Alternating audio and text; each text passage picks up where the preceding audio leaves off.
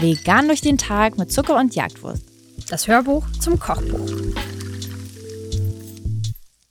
Das hier ist ein Hybrid. Ich würde sagen, das ist ein Frühstückshybrid, den ihr hier gerade machen möchtet. Und es ist kein ganz so einfaches Rezept, muss ich sagen. Es ist ein bisschen aufwendiger, das weiß ich, weil ich dieses Rezept entwickelt habe. Es sieht aus wie ein Erdnussbutter-Marmeladenbrot, Peanut Butter Jelly, aber es sieht auch aus wie French Toast.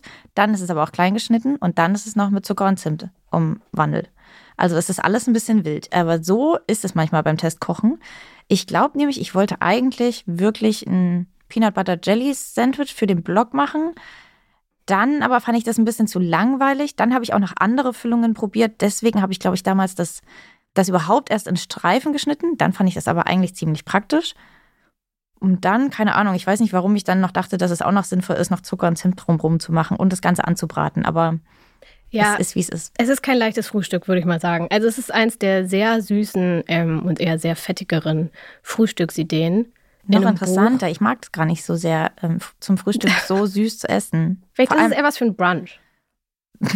vielleicht, aber auch vielleicht zum Dessert. Vor allem, weil man es auch noch mit veganer Schlagsahne serviert. Ja, es ist heavy. Es ist wirklich ein heavy Frühstück. Aber wir haben ein paar Brombeeren daneben gelegt. Also Zahnärzte Deutschlands werden uns lieben für dieses Frühstücksrezept.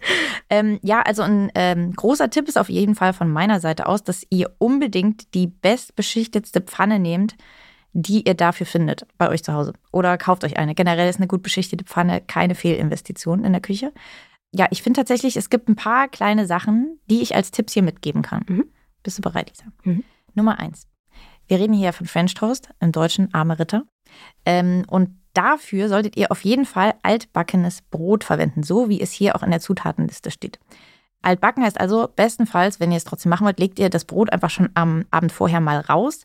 Ähm, wenn ihr es selbst kreieren wollt, vielleicht habt ihr aber eben auch alte Brotscheiben. Daher kommt ja im Prinzip das Rezept für arme Ritter so ein bisschen.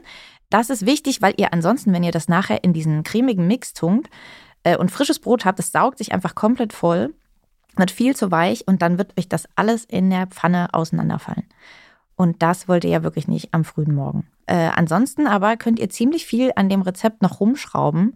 Also ihr könnt natürlich auch, ihr müsst dieses Brot nicht dritteln, wenn ihr das nicht wollt. Ihr könnt auch eine andere Marmelade nehmen wenn ihr das möchtet.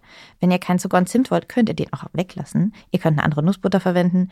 Ihr könntet aber auch, falls euch das jetzt hier komisch vorkommt, Kichererbsenmehl zum Beispiel mit Sojamehl ersetzen. Das ist ein bisschen da, um alles zu binden, aber da könnt ihr auch jedes andere bindefähige Mehl verwenden. Und auch nur, wenn jetzt hier Ahorn, nee, Quatsch, Agavendicksaft haben wir drin.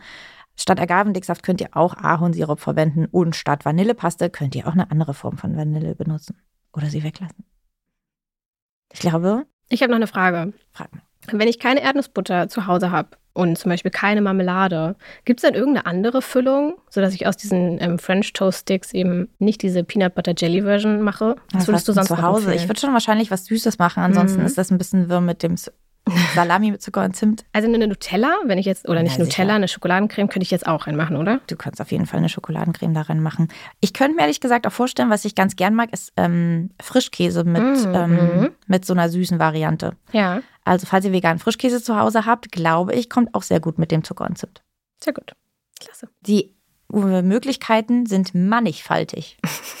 und damit entlassen wir euch. Viel Spaß mit denen und wie gesagt, guckt schön beim Braten drauf dass sie euch nicht anbrennen. Das passiert ziemlich schnell. Toi, toi, toi.